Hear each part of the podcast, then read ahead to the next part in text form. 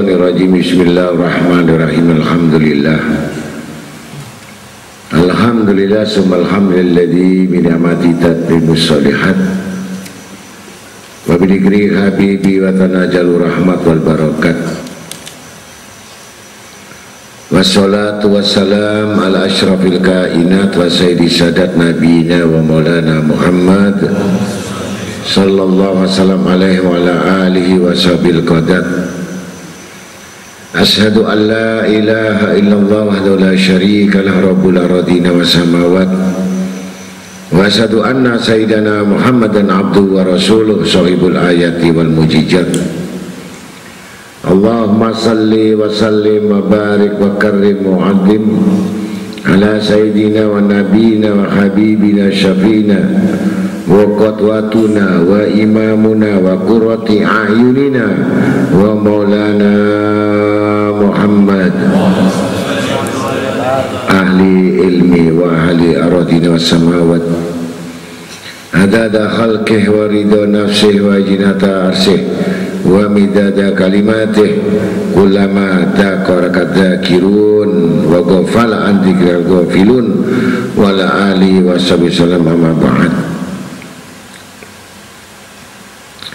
وقالوا تعالى واضرب لهم مثل حياة الدنيا كما أنزلناه من السماء. فاختلط به نبات الأرض فأصبح هشيما تدره رياح وكان الله على كل شيء مقتديرا. المال والبنون جينات الحياة الدنيا والباقية الصالحات. khairu inda rabbika sawaba wa khairun amala. Sadaqallahul malanal azim wa rasulih. Alhamdulillah. Alhamdulillah sama langsung, alhamdulillah. Dengan kita banyak bersyukur kepada Allah Ta'ala niscaya kita akan ditambahkan nikmat-nikmatnya syukur bagian daripada reaksi perasaan hati yang muncul. Yang tumbuh membahagiakan seperti air hujan yang menumbuhkan sayur-sayuran. Dengan banyak kita bersyukur rahmat pun makin deras turun kepadanya karena syukur itu bagian daripada kehidupan-kehidupan yang wajib atasnya artinya manusia wajib bersyukur jadi hukumnya syukur adalah wajib, bukan sunnah. Yang tidak bersyukur berarti dia tidak bersyukur artinya meninggalkan yang wajib. Jadi kalau tidak bersyukur berarti adab Allah.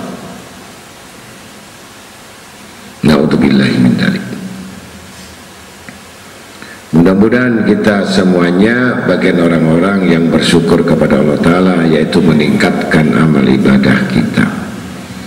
Ketaatan kita sampai puncaknya keyakinannya. Karena syukur kalau tidak ada keyakinan tidak ada artinya karena keyakinan itu bagian daripada syukur. Syukur yang mengetahui Tuhannya yang artinya tidak pernah mengingkari janjinya. Itu orang syukur. Dengan syukur tentu akan mengetahui dosa-dosanya. Maka beristighfar kita kepada Allah Ta'ala minta ampun berarti tahu dia itu orang-orang yang bersyukur. Jadi orang yang mengetahui dosa-dosanya kemudian minta ampun Allah itu termasuk orang yang tahu syukur. Karena orang yang mengetahui syukur berarti tahu atas dosa-dosanya orang yang tidak bersyukur berarti tidak tahu atas dosa-dosanya. Ini hubungannya apa?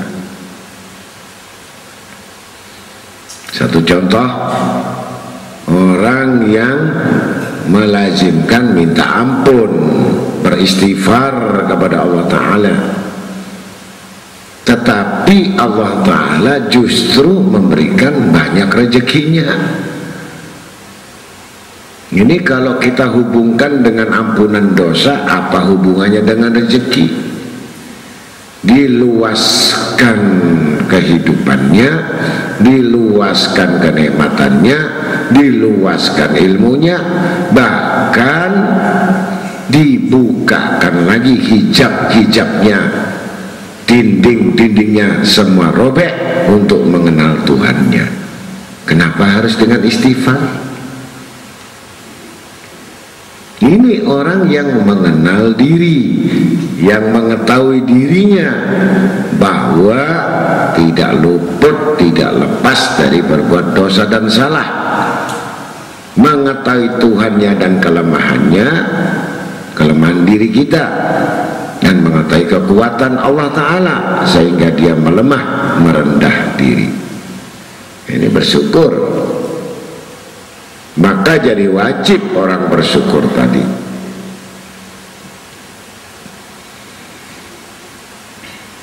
Ya mudah-mudahan kita semuanya di samping bersyukur. Tadi ada hubungannya yang jelas dosa-dosa kita diampunkan oleh Allah Ta'ala. Ya tidak akan bangkit pada hari kiamat mudah-mudahan tidak membawa dosa-dosa lagi karena yang paling berat hari hisab hari perhitungan itu. Ya kita boleh menjauhkan maut tetapi maut memburu kita. Maka mengingat mati itu juga bagian daripada istighfar. Mengingat mati bukan minta mati mengingat mati juga bagian daripada istighfar kepada Allah Ta'ala. Walaupun tidak membaca istighfar hanya mengingat bagaimana nanti kalau saya mati perhitungan Allah kepadaku tentu aku golongan orang-orang yang sangat sedikit amal-amalku. Ini sudah istighfar. Apalagi ditambahkan lagi minta ampunnya. Mengingat mati mudah masuk golongan orang minta ampun pada Allah Ta'ala. Ya, terutama dosa-dosa ke orang tua kita keluarga kita, saudara kita duriat kita terutama dari atas tujuh turun empat turun empat turun ke bawah tujuh turun ke bawah. Mudah-mudahan itu semuanya meniru mencontoh daripada Nabi kita Muhammad SAW dan hajat-hajatnya dikabulkan oleh Allah Ta'ala dan diberikan rezeki yang hidup maupun yang mati. Walaupun yang dikubur dapat rezeki Allah Ta'ala. Apa rezekinya? bebas dari adab kubur dan dapat makanan barzah. Alam barzah ada makanannya. Jadi orang yang hidup butuh rezeki Yang mati pun kita hadiahkan Kirim fatihah Kirim surat ikhlas Al-Falaq An-Nas Ayat kursi surat yasin. Niscaya itu sama dengan kita Kirim paket-paket yang paling mahal. Maka jangan malas-malas mendoakan dari orang tua kita Agar mereka mendapatkan rezeki yang luas dari Allah Ta'ala Yang terutama pengampunan-pengampunannya. Amin. Selawat dan salam dan pujian kepada baginda Nabi Muhammad SAW serta ahli keluarganya dan sahabatnya semuanya mudah-mudahan tidak disia-siakan Allah Ta'ala kecuali Allah mencatat dia sebagai orang-orang yang benar-benar cinta dan bangga kepada nabinya Muhammad SAW Allahumma salli ala Sayyidina Muhammad wa ala ali Sayyidina Muhammad. Para hadirin hadirat yang sama-sama dimuliakan Allah Ta'ala Masalah kembali kepada bab dunia. Dari Abu Hamid Al-Ghazali bin Muhammad bin Muhammad menceritakan tentang tercelanya dan buruknya daripada dunia ini bukan menghinakan tetapi dia mengetahui dunia ini benar-benar bisa mencelakakan dan membinasakan manusia. Bahkan bisa meracuni manusia. Bahkan menghancurkan imannya manusia dan pikiran manusia. Dan membuat gelapnya hati dan pikiran manusia. Disebabkan pengaruh-pengaruh dunia maka di sinilah kita membicarakan tentang dunia ini jadikan alas atau sarana dunia ini bukan jaminan. Dari harta orang-orang yang saleh itu akan manfaat. Dengan harta-harta yang tidak soleh akan tidak manfaat bahkan menjadi kotoran dan sampah jadi gunakan harta-harta kita. Beruntung orang yang bisa menggunakan hartanya untuk Allah Tetapi tidak beruntung harta itu yang untuk dirasakan sendiri Karena jadi beban hisapnya. Maka di sini dalam surat Al-Kahfi ayat 45-46 Allah Ta'ala berfirman Wa qalu ta'ala wadrib lahu masalah hayati dunya kama in anjalnahu minas sama' fahtalata bihi nabatul ard fa asbaha shiman tadruhu riyah wa kana Allah ala kulli syai'in muqtadira. Al mal wal banun ziyanatal hayati dunya wal baqiyatu sholihat. Khairun inda rabbika sawaba wa khairun mala wa khairun amala sadaqallahul malanul azim. Artinya buatkanlah suatu perumpamaan kepada mereka. Kehidupan dunia ini seperti air hujan yang kami turunkan dari langit lalu bercampur dengan tumbuh-tumbuhan di bumi kemudian dia menjadi kering karena diembus oleh angin. Dan adalah Allah itu maha kuasa atas segala sesuatu. Harta benda dan anak itu adalah perhiasan dunia. Dan amal perbuatan yang kekal lagi baik tentu lebih baik pahalanya di sisi Tuhanmu. Dan lebih baik pula yang dicita-citakan. Jadi kalau kita melihat menyimak daripada Al-Quran Al-mal wal banun harta kekayaan benda perhiasan, rumah, mobil, kendaraan ini menipu kita. Anak, balbanun anak.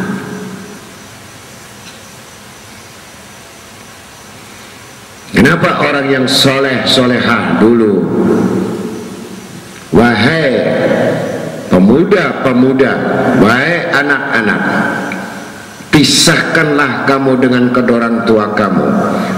Dari umur lima tahun dikirim langsung Hadramaut pisah dengan orang tuanya. Pisah dengan keluarganya. Mulai kecil sudah dipisah. Diserahkan sama guru-gurunya dididik untuk cinta kepada Rasulullah SAW pulang menjadi anak yang soleh soleh gelar tidak ada pangkat tidak ada jabatan tidak ada tapi Allah titipkan satu derajat lebih tinggi dari yang lain karena kedudukan ilmu yaitu Allah bicara derajat. Ini orang tua yang beruntung orang tua yang sangat untung karena apa? Orang tuanya lemah dengan agama lemah dengan ibadah lemah dengan ketaatannya. Tapi anak yang dipimpin justru dia mengajarkan kepada orang-orang tuanya. Bahkan jadi orang yang mulia. Apa yang diharapkan dari manusia? Dari anak yang terus dimanja di dimanjakan dininak bobokkan dengan dituruti kemauan. Yang mana kemauan-kemauan itu tidak lain untuk menyenangkan hatinya dengan didikan-didikan dunia. Maka itulah anak-anak dunia. Itulah yang disebut anak-anak yang selalu menginginkan dunia bagaimana dia paham dengan agama lingkungan pergaulan sehingga tidak mengangkat anak harkat dan martabat orang tuanya. Bahkan orang tuanya tersiksa karena anaknya tidak ibadat lagi kepada Allah Ta'ala. Ini kerugian. Maka umur lima tahun sudah berpisah dan tega bapak ibunya demi masa depannya demi masa yang akan datang kelak akan menjadi orang-orang yang memimpin umat. Modal dia sudah bisa mengatamkan Al-Quran dia bisa mengatamkan hadis dan semua orang kagum kepadanya karena dia adalah seorang yang anak soleh itu kalau segi ilmu agama. Tapi apa yang didapatkan dengan pendidikan-pendidikan yang sekarang yang serba modern yang selalu membawa laptop dan HP apa yang dibuka? BBM Facebook apakah manfaat bagi dirinya atau manfaat bagi hawa nafsunya kecuali mencetak dia hanya untuk mendapatkan harta dan anak-anak dan semuanya. Maka inilah arti daripada dunia adalah perhiasannya. Maka lebih baik pahalanya di sisi Tuhanmu kalau Allah sudah meridoinya bahkan Allah akan mencintainya tuanya selamat daripada adab api neraka maka dengan demikian adibu auladakum wa yuhibbu nabikum sudahkah kita didik anak kita itu cinta kepada Rasulullah Sudahkah kita didik anak kita ini benar-benar menjalankan amanat Rasulullah? Apakah benar dia itu tergerak hatinya untuk Rasulullah? Itu yang jadi masalah karena lingkungan yang sangat kuat dan sangat besar pengaruh-pengaruhnya. Maka tidak ada jawaban dan obatnya bagi anak-anak kecuali cinta kepada Rasulullah sallallahu alaihi wasallam. Lewat cinta dari Rasulullah tidak ada pada hati dan pikirannya jelas dia akan cinta pada dunia. Walaupun duduknya dia mengatakan saya cinta sama Allah Rasul. Imannya tidak sampai tenggorokannya. Karena hatinya sudah dikuasai dengan segala bentuk kesibukan dan permainan dunia yang mengisi dari akal dan hatinya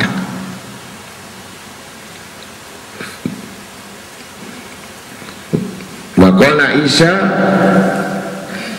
alaihissalam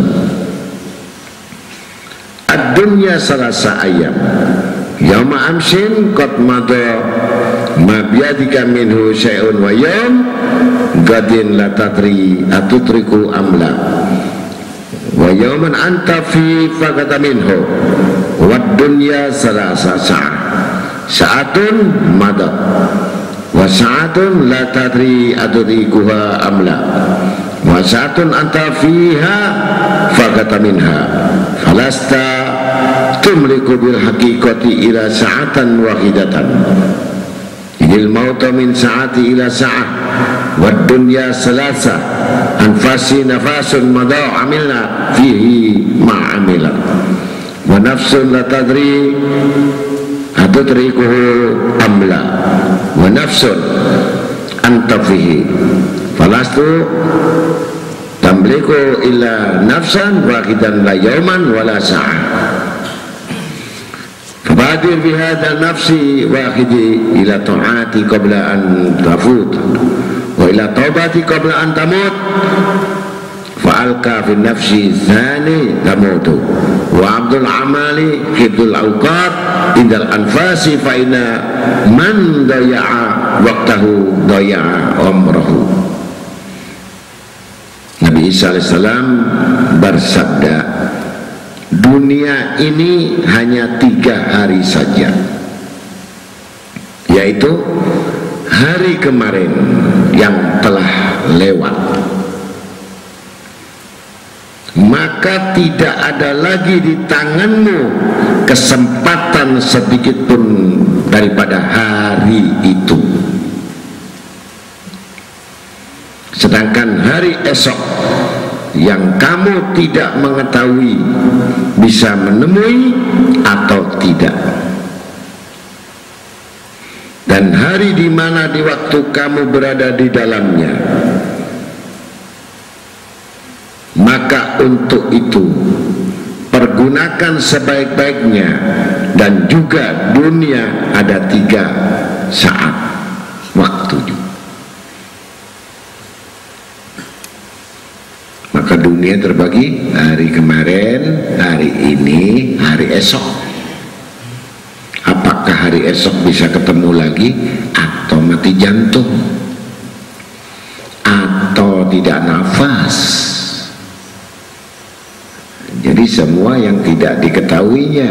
Sementara manusia sibuk pada dirinya sibuk pada kesenangannya sibuk pada keinginannya sibuk pada menghimpun hartanya sibuk dengan sibuk-sibuk-sibuk lupa ada malaikat maut yaitu malaikat Israel yang mengintip di atas kepala kita. Kesempatan berbuat baik lengah beribadah lengah. Bertambah ilmu lengah. Bertambah zikir lengah. Tambah mikir. Ini kelengahan. Well mereka tidak tahu masa-masa yang berat itu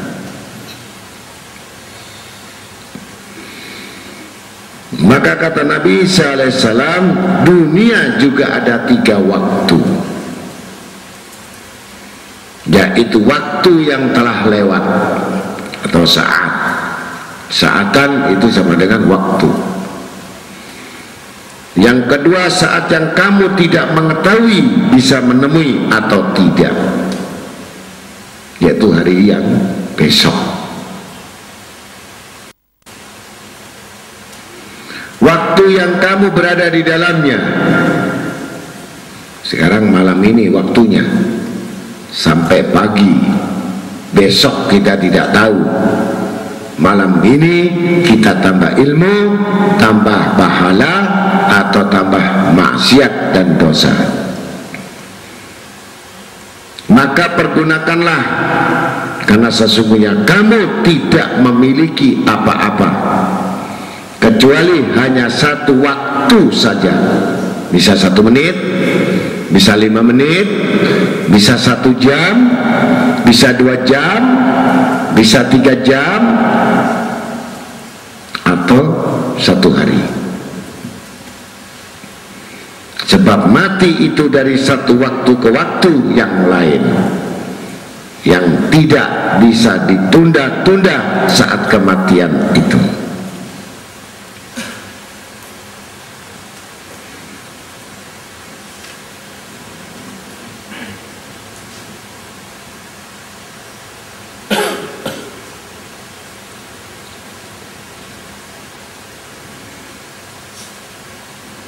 dan juga dunia ini memiliki tiga nafas. Yang pertama nafas yang telah lewat yang telah lalu. Yang engkau telah menyelesaikan pekerjaan di dalamnya. Seperti tadi siang nafas kita sudah lewat. Yang kedua nafas yang kau tidak mengetahui bisa menemui atau tidak kalau sudah mati tidak menemui nafas lagi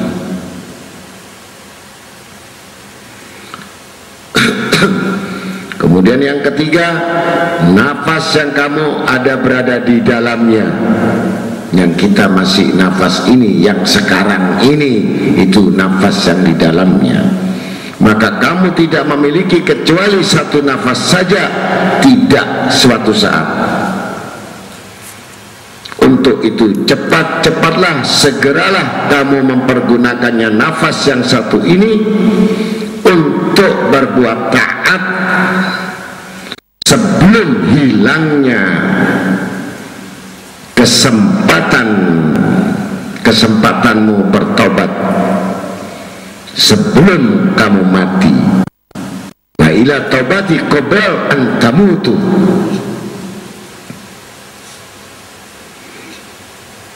mudah-mudahan matimu. Falakal fi nafsi dhani tamutu. Mudah-mudahan matimu berada dalam nafas yang kedua ini. Yaitu selalu ingat kepada Allah. Dan seutama-utama amal adalah menjaga segala waktu Ketika masih bernafas Maka sesungguhnya orang-orang yang menyia-nyiakan waktunya Berarti dia juga termasuk telah menyia-nyiakan umurnya.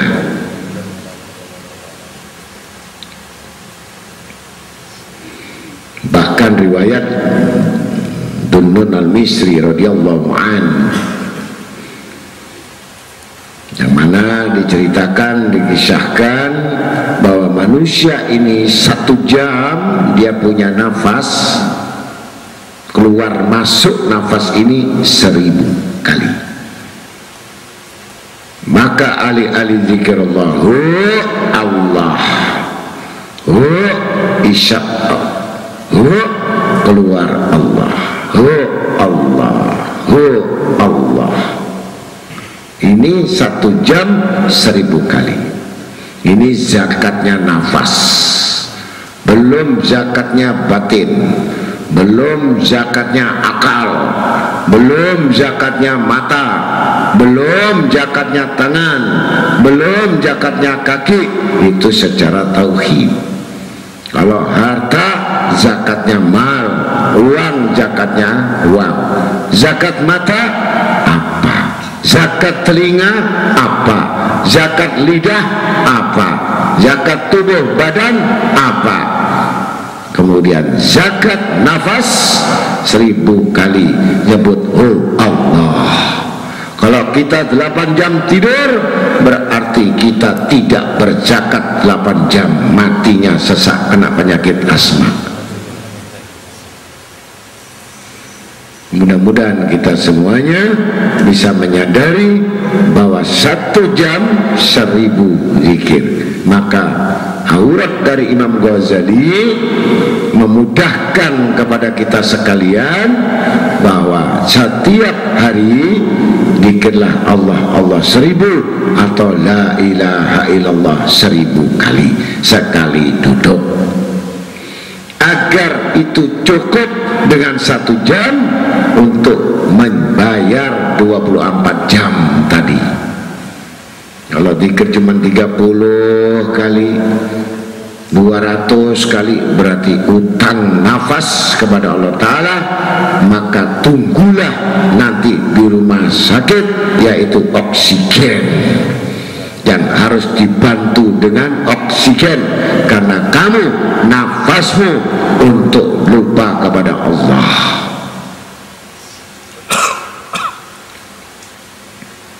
Ini termasuk menyanyiakan umurnya. Wa qala nabi wasallam itanim khamsa qabla khamsin sababaka qabla haramik wa gina qabla fakrik wa faragaka qabla syughlik wa syihataka qabla sammamik wa hayataka qabla mautik Nabi SAW bersabda Pergunakan lima sebelum lima datang kepadamu Yaitu Masa mudamu sebelum masa tuamu Waktu engkau kaya Sebelum kamu fakir. Mumpung ada Cepat-cepat berbuat baik. Nanti kalau sudah fakir Baru tahu rasa Kamu tinggal minta-minta. Waktu ada nggak mau memberi Fakir minta-minta. Nah. Waktu kosongmu sebelum kesibukanmu. Jadi waktu banyak kosong Isilah dengan belajar Menghafal Mengulang-ulang Kemudian mengisi kegiatan. Yang mana kegiatan itu Untuk menambahkan amal-amal soleh. Di waktu sehat sebelum sakit mumpung sehat nggak kena stroke nggak kena sakit gunakanlah masa yang sehat itu untuk banyak ibadat. Dan sewaktu masih hidup sebelum datang kematian.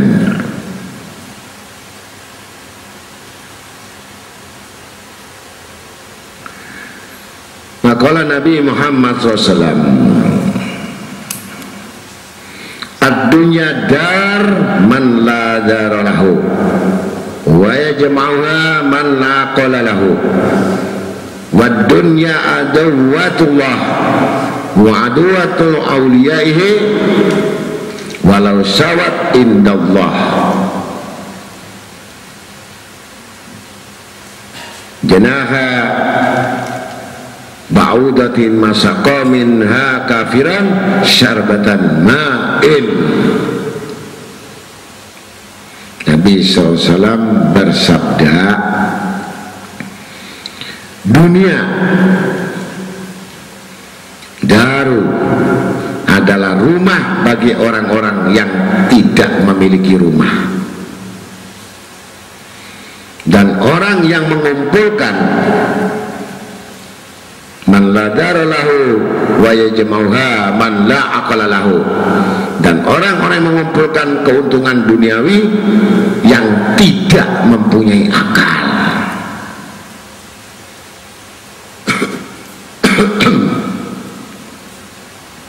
Dunia adalah musuh-musuh Allah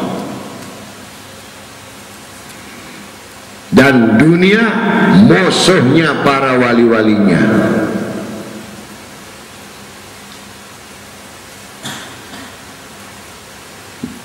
Andai kata dunia di sisi Allah nilainya sama dengan hanya sebesar sayap seekor nyamuk. Jadi kalau dipandang dari Allah dunia ini tidak sebesar sebesar sayap nyamuk maka niscaya Allah tidak akan memberi minum orang kafir walaupun seteguk saja. Andai kata itu dikandaki Allah. Maka hati-hatilah dengan dunia dan harta. Dan jangan sekali-kali kamu meninggikan orang-orang yang berharta niscaya akan meremehkan ilmu dan akan menghina ulama-ulamanya. Begitu pula dengan ulama-ulama ukhrawiyah melihat orang ahli dunia seakan mau muntah. Kecintaan manusia pada dunia pandangan basyirah daripada wali-walinya Allah rasanya mau muntah karena Allah telah memilih dari seorang walinya untuk menjauh dari kecintaan dunia. Tapi bagaimana kita kok dapat dunia? Dunia hanya letaknya di tanganku tapi bukan pernah ada di dalam hatiku. Jadi dunia bagi aulia-aulia Allah Ta'ala hanya di tangannya bahkan tidak pernah heran dan kagum kepada orang-orang yang kaya. Sama sekali tidak kagum bahkan tidak berminyak-minyak untuk merayunya. Itu yang disebut aulia Allah Ta'ala. Hadith Qudsi hadith Qudsi ini adalah Allah langsung memberikan wahyu kepada Nabi Muhammad SAW tanpa perantara malaikat Jibril. Man khadama fahdumihi wa man khadamaki fastahdurmihi ini ada diskusi wahai dunia jadikanlah pelayan bagi orang-orang yang selalu melayani kami dan jadikanlah orang-orang yang selalu melayanimu jadikan mereka sebagai pelayan jadi kalau orang cinta sama dunia itu pasti jadi pelayannya dunia dan hina pada dunia. Kalau melayani Allah pasti dunia diperintahkan untuk melayani orang yang takwa. Jadi dunia nyerah deh ya ini kamu nyerah sama dunia tapi dunia nggak pernah nyerah sama kamu. Ya mudah-mudahan dunia kamu buat tunduk. Ya. Ya. Bagaimana tunduk kamu buru ke sana ke sini? Tunduk gimana ya tunduk berarti benar-benar kamu tidak melirik dengan dunia itu dan selemah-lemah iman hatimu membencinya. Bukan gembira riwayat Abdul Haq dari Abdullah bin Mas'ud. Syum anid dunya. Wa ja'al fitrakal akhirah. Syum saum puasa. Berpuasalah selama di dunia dan berbukalah kelak di akhirat. Jadi banyak nahan diri di dunia ini ya jangan mengumbar nafsu jangan mengumbar syahwat jangan mengumbar kesenangan jangan mengumbar kecintaan pada dunia. Sub. puasalah. Berikan semua pada Allah Ta'ala. Niscaya Allah Ta'ala akan menggantinya. Jangan kau makan sendiri maka jadi racun dan siksa yang berat karena hisapnya ini kalau orang paham ya mudah-mudahan kita paham semuanya. Ya karena cinta dunia ini sudah jelas tidak ada tidak ada yang kekal. Ya anak ditinggalkan istri tinggalkan semua tinggal. Ada nggak yang ditinggal mati itu anaknya tanya. Ya, bapak saya ninggalin apa? Dibuka ada nggak surat al-waqiah fadilah surat fadilah yasin surat ijazah dari guru-gurunya yang dicari surat sepeda motor surat rumah surat gaden surat-surat yang berharga bahkan Al-Quran bahkan amaliyah dari orang tuanya tidak pernah disentuh sama putra putrinya karena tidak punya nilai dan berharga maka Luqman Hakim berwasiat pada anaknya. Begitu anaknya mengetahui ayahnya meninggal ternyata hanya surat wasiat kertas satu lembar mana kudanya orang tua saya? Mana hartanya orang tua saya? Mana kebunnya orang tua saya? Mana peninggal orang tua saya? Marah si anak melihat semua hartanya diberikan yayasan. Marah ketika itu anaknya melihat tidak memiliki apa pun.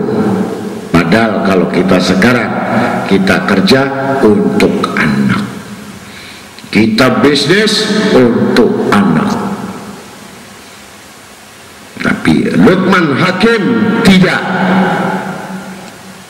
Maka di situ wasiat wahai anakku kau tidak memiliki harta dan kekayaan dari aku tetapi kau lebih memiliki dari kekayaan daripada kekayaan dan itu kekal. Yang pertama tuntutlah ilmu di negeri yang jauh bukan yang dekat terutama di kota Madinah. Itu pusat gudang-gudang ilmu. Belajarlah kamu yang pertama. Yang kedua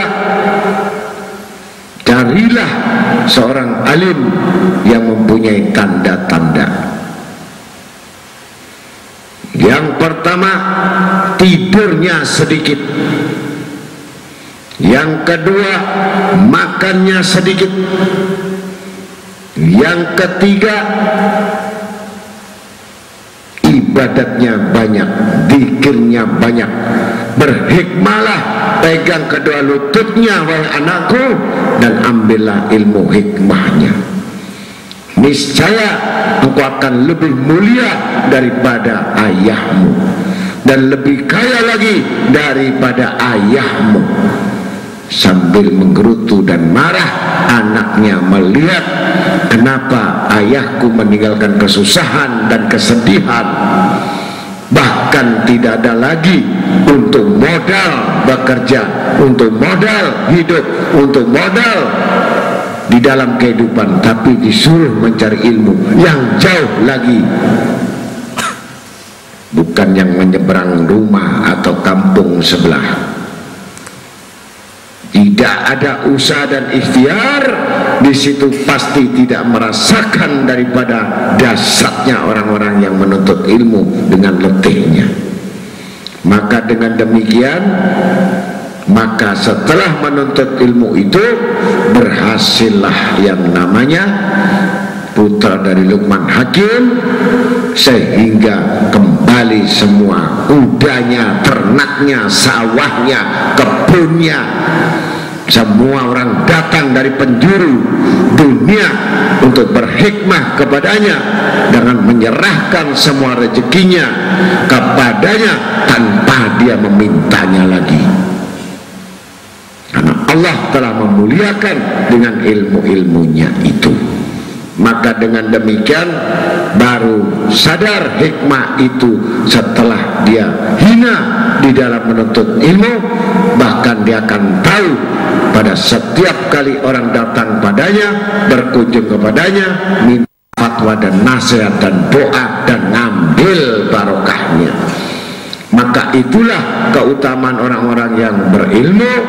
Dengan mengamalkan semua ilmu niscaya tidak perlu mencari murid tidak perlu mencari kedudukan tidak perlu mencari dengan satu alasan-alasan dengan promotion dengan segala macam tetek bengek. Tidak butuh lagi bagi orang berilmu karena Allah adamu darajatan indallah karena Allah yang memutuskan. Bukan manusia bukan sistem walaupun di ujung dunia walaupun sembunyi di kamar walaupun tanpa TV walaupun tanpa reporter walaupun tanpa media Allah telah mengutamakan dan mengangkat lebih tinggi daripada orang yang pakai sistem-sistem. Karena itu Allah Ta'ala bersama orang-orang yang takwa bersama orang-orang yang sabar bersama-sama yang bersyukur bersama-sama cinta kepada orang-orang yang menuntut ilmu dan yang belajar. Maka dengan demikian itulah hati-hati dengan dunia. Wa ta'ala I'lamu annamal hayatud dunya la'ibun wa lahun wa wa tafakhurun bainakum wa takassurun fil amwal wal aulad. Sadaqallahul malal azim. Di dalam surat Al-Hadid ayat 20 ketahuilah olehmu bahwa kehidupan dunia itu hanyalah permainan dan sundaguro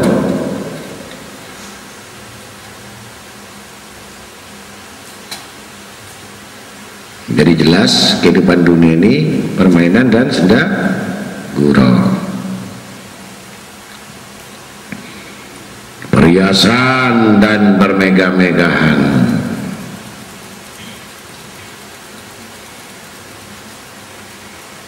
Antara sesama kamu. Berlomba-lomba memperbanyak kekayaan. Dan memperbanyak anak-anak. Berlomba-lomba ya. Kalau udah dapat mobil jalannya. Dapat rumah baru jalannya lain. Dapat duit banyak jalannya lain. Ya kalau nggak punya duit jalannya bungkuk. Kalau nggak punya, punya duit jalannya tegak pinggangnya lurus sendiri nggak perlu ditekuk lagi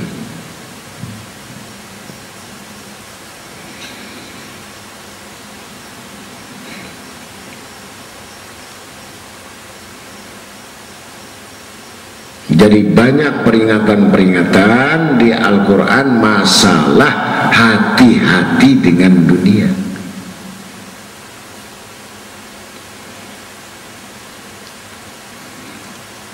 Begitu nggak boleh kerja, salah. Kalau gitu nggak boleh sembahyang, salah. keseimbangan di dalam hidup tanpa melupakan akhirat.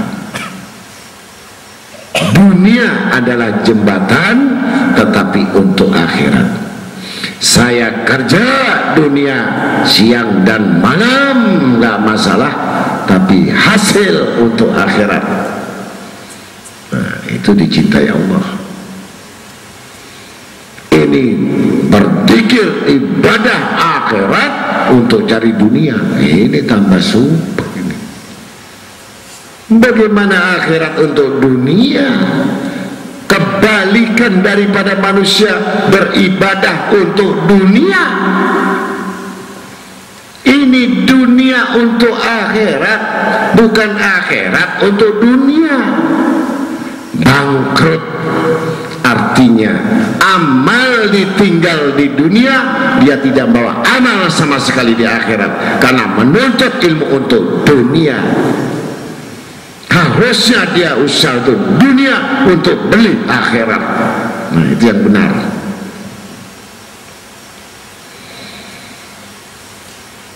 وقالوا تعالى يجين للناس حب الشهوات من النساء والبنين wal qanatiril muqantarati minad dahab wa fiddati wal khayli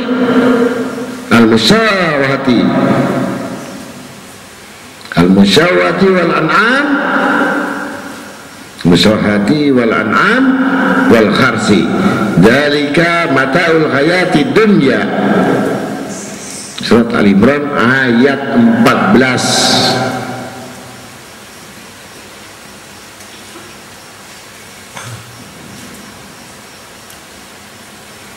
musawamati wal an'ami wal kharsi dalika mata'ul hayati dunya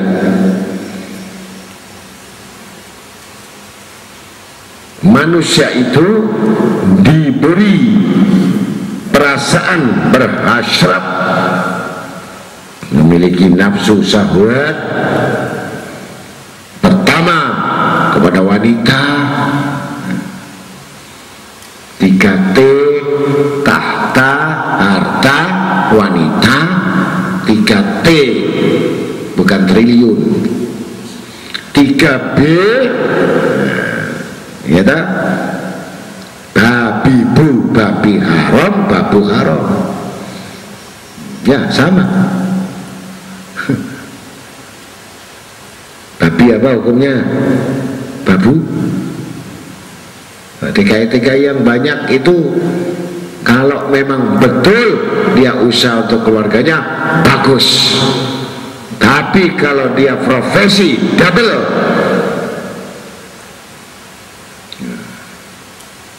ada yang jadi lesbian ada yang jadi homoseksual ada yang melacurkan diri. Ini berpura-pura kerja sebagai tenaga kerja wanita bahkan saya melihat dengan pandangan katanya orang bukan pandangan mati saya di Hong Kong terutama. Pulang gajinya bukan hanya satu bulan 10 juta tetapi bisa mendapat 150 juta satu bulan TKW dari mana? ternyata dan lain-lain dan seterusnya dan sebagainya sebagai berikut tentu kita bertanya dari mana hasil itu itu yang betul-betul kita doakan agar mereka sadar dan bertobat kepada Allah Ta'ala agar dia mengetahui betapa keras daripada siksanya dan tujuan dunianya pasti akan terjadi bencana-bencana yang besar menimpanya baik dirinya, anaknya, keluarganya, semuanya. Pasti apa yang didapatkan yang tidak halal pasti akan membuat kehancuran dan porak-poranda semuanya. Naudzubillah min galik. Itu yang orang bodoh melakukan sesuatu yang tidak diketahuinya seakan-akan dunia menjamin dirinya padahal itu adalah racun yang mematikan merusak sel-sel daripada iman merusak sel-sel akal otaknya sehingga tidak mendengar telinganya pun tidak mendengar kebaikan kecuali diarahkan kepada sesuatu yang jauh daripada Allah Ta'ala. Naudzubillah mendalik maka perlu diketahui setiap apa saja yang beribadah semata-mata karena Allah maka dia tidak termasuk sebagian daripada cinta dunia itu dari ibadah karena Allah Ta'ala. Maka kadar yang perlu diperhatikan baik dari makanan yang boleh dan yang tidak. Mulai dari tempat tinggal sampai harta dan pakaian. Itu kita niat semata-mata karena Allah Ta'ala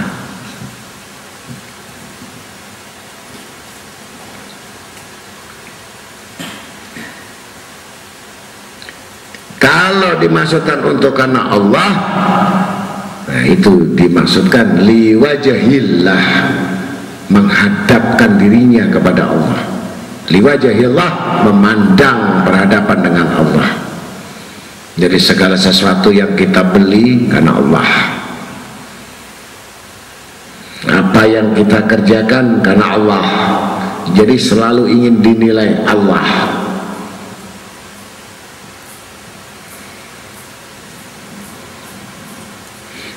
maka kalau melampaui batas bersenang-senang memperbanyak demikian memburu kenikmatan yang tidak pernah sampai dan itu pasti tidak karena Allah.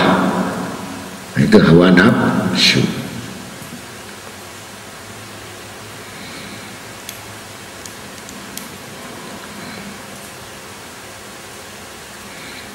Maka ada kebutuhan darurat ada yang kebutuhan yang tidak mendatangkan melarat dan menyingkatkan kepada batas yang tidak berlebihan.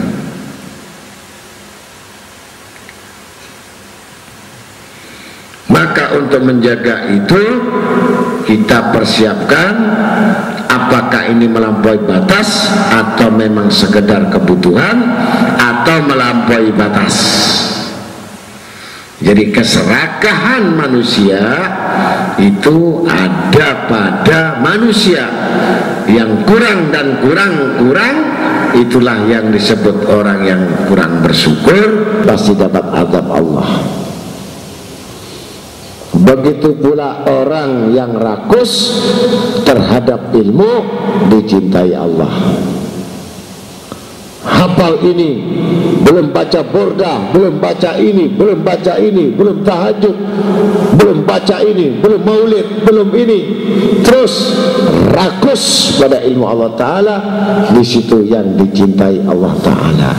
Maka rakuslah dengan ilmu Allah Ta'ala dan jangan rakus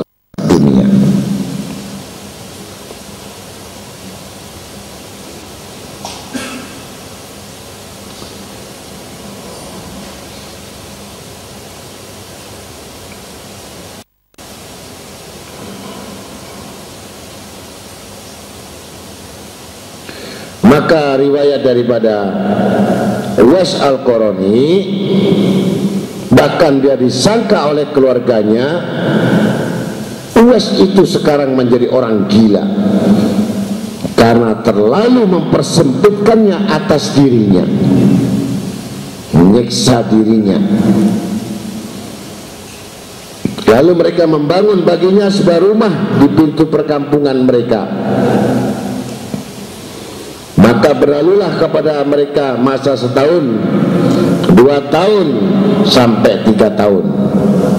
Di mana mereka tidak pernah melihat wajah rupanya Uwais Al-Qarani lagi. Hilang selama tiga tahun. Setelah dikatakan gila. Karena Uwais Al-Qarani keluar daripada rumahnya pada awal azan bisa subuh keluar sebelum subuh dan datang kembali ke rumahnya sesudah sholat isya terakhir. Jadi ngepos di masjid. Tidak pulang-pulang hilang. Makanannya ialah mengambil bekas memungut biji kurma tamar yang jatuh. Jadi kalau di pasar ada yang jatuh diambil. Jadi kurma makanannya tiap hari.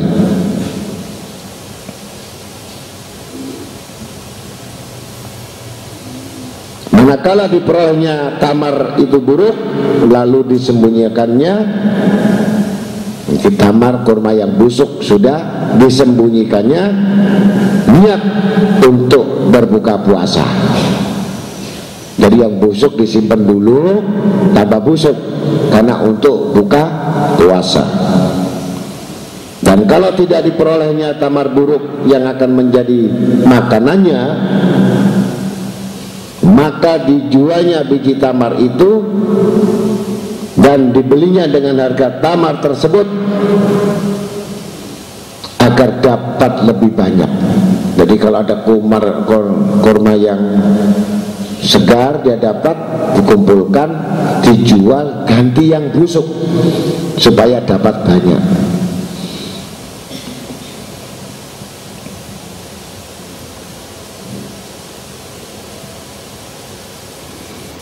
pakaiannya yang dipukutnya diambil dari tempat-tempat.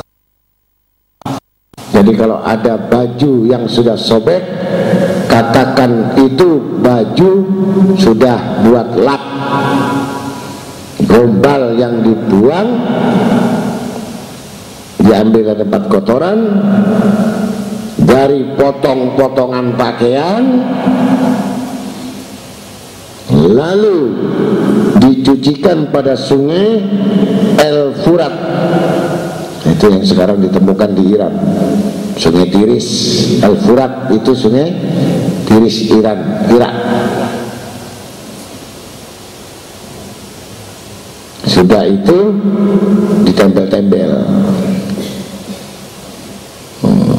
dijahitnya sebagian potong-potongan pakaian itu kepada sebagian yang lain. Ditempel-tempelan semua. Kemudian dipakainya. Maka yang demikian itulah yang disebut halal.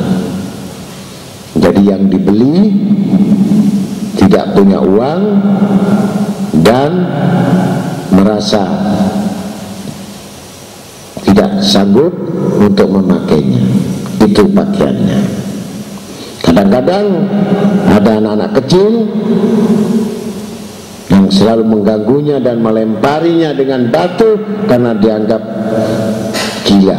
Jadi anak-anak itu menyangka bahwa Uwais Al-Qarani itu adalah orang gila. Maka Uwais Al-Qarani berkata kepada mereka Hai anak-anak dan saudara-saudara Jikalau kamu tak boleh tidak harus melempari aku Maka lempari aku dengan batu kecil saja Jangan yang besar-besar Sesungguhnya aku takut kamu akan mendarahkan atau melukakan daripada badanku atau kakiku. Lalu datanglah waktu sholat dan aku tidak memperoleh air. Maka begitulah perjalanan hidup Wes Al-Qarani. Bahkan Rasulullah SAW mengagungkan keadaan Wes Al-Qarani tersebut. Sebab kala Nabi Muhammad SAW Ini li'ajidu nafsar rahman Min janibil yaman. Sesungguhnya aku mendapati dari yang maha pengasuh nafsu rahman dari tepi negeri zaman. Itu adalah yang dimaksud isyarat kepada Uwais Al-Qarani radhiyallahu an tersebut.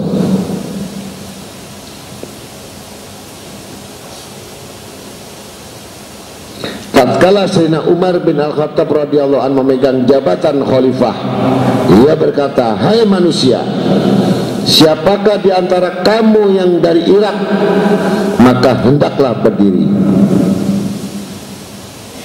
Kalimat ini yang punya riwayat Lalu mereka berdiri. Kemudian Sayyidina Umar berkata Duduklah Selain siapa yang dari penduduk Kufah.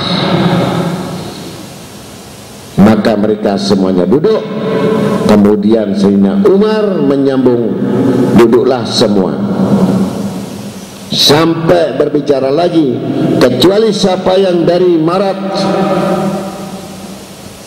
Marat itu adalah nama suatu kabilah.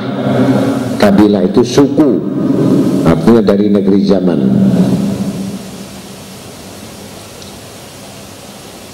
Semua mereka itu duduk lalu Umar berkata lagi Duduklah kecuali siapa yang dari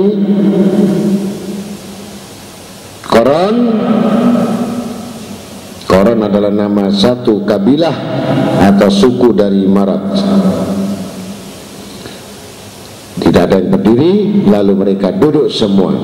Selain seorang laki-laki Maka Sayyidina Umar bin Khattab radhiyallahu an berkata kepadanya Apakah engkau orang Quran? Laki-laki itu menjawab, benar, saya dari Quran.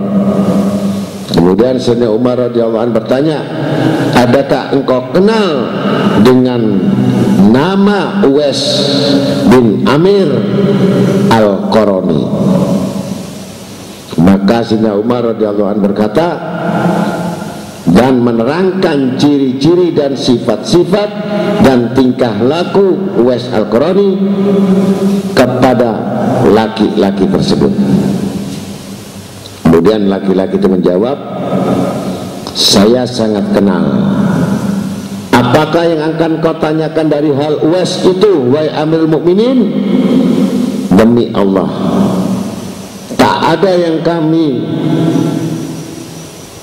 yang lebih kami kenal dengan kebodohan dan dungunya daripadanya. Jadi di kampung itu dianggap orang yang bodoh dungu gila. Yang lebih gila yang lebih liar dan yang lebih hina daripadanya. Maka mendengar itu Syekh Umar bin Khattab radhiyallahu an menangis. Kemudian berkata Tidaklah aku katakan apa yang telah aku katakan. Melainkan karena aku telah mendengar Rasulullah SAW bersabda Bahwa Uwais bin Amir Al-Qurani akan masuk dalam syafaatnya seperti Rabi'ah dan Mudhar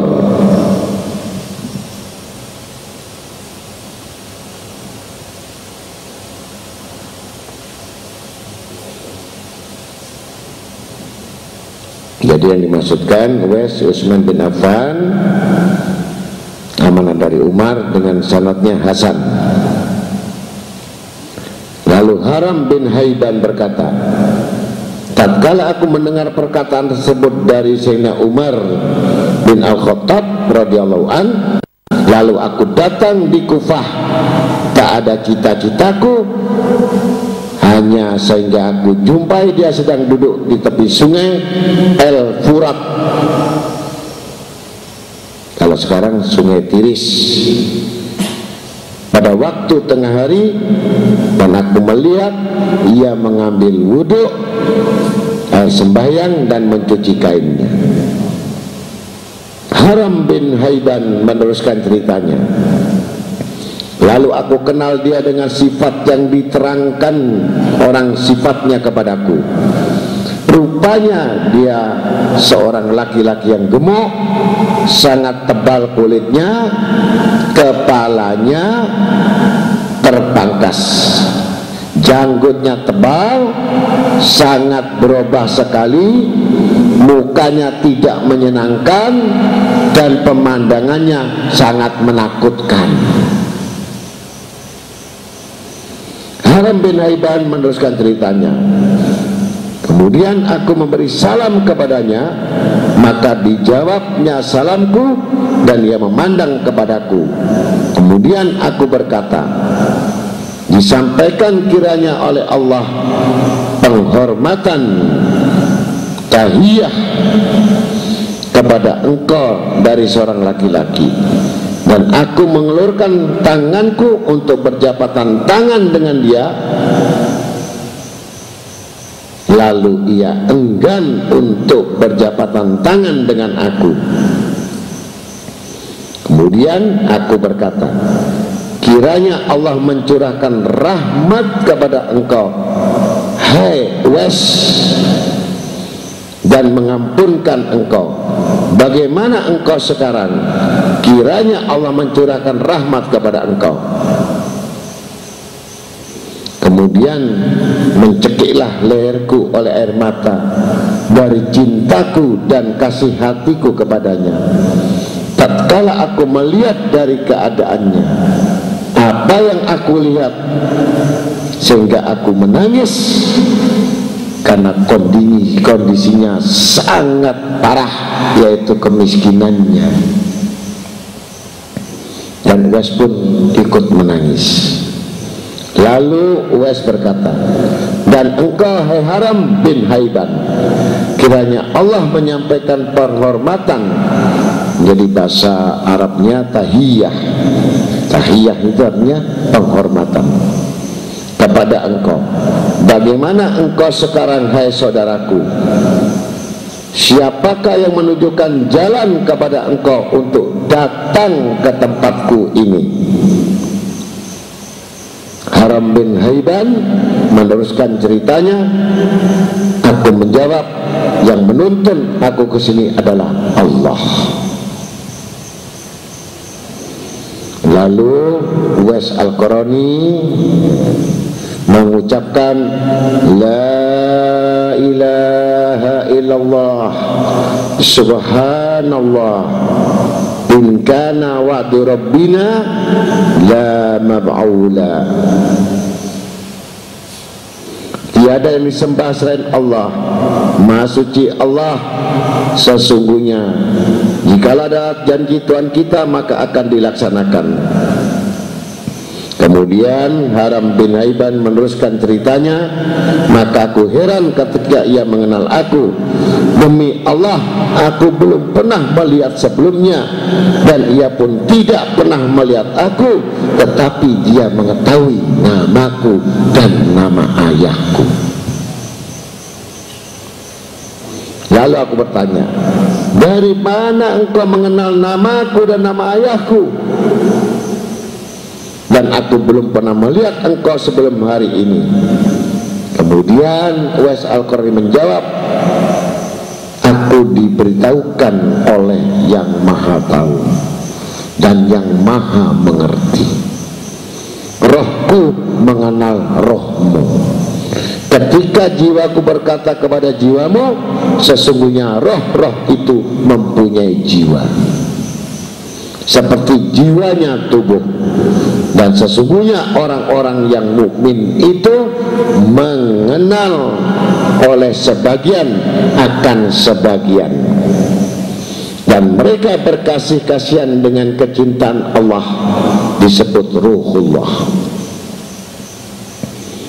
Walaupun mereka tidak pernah bertemu mereka kenal mengenal dan bercakap-cakap walaupun kampung mereka negeri mereka berjauhan dan tempat tinggal mereka pun berpisah jauh.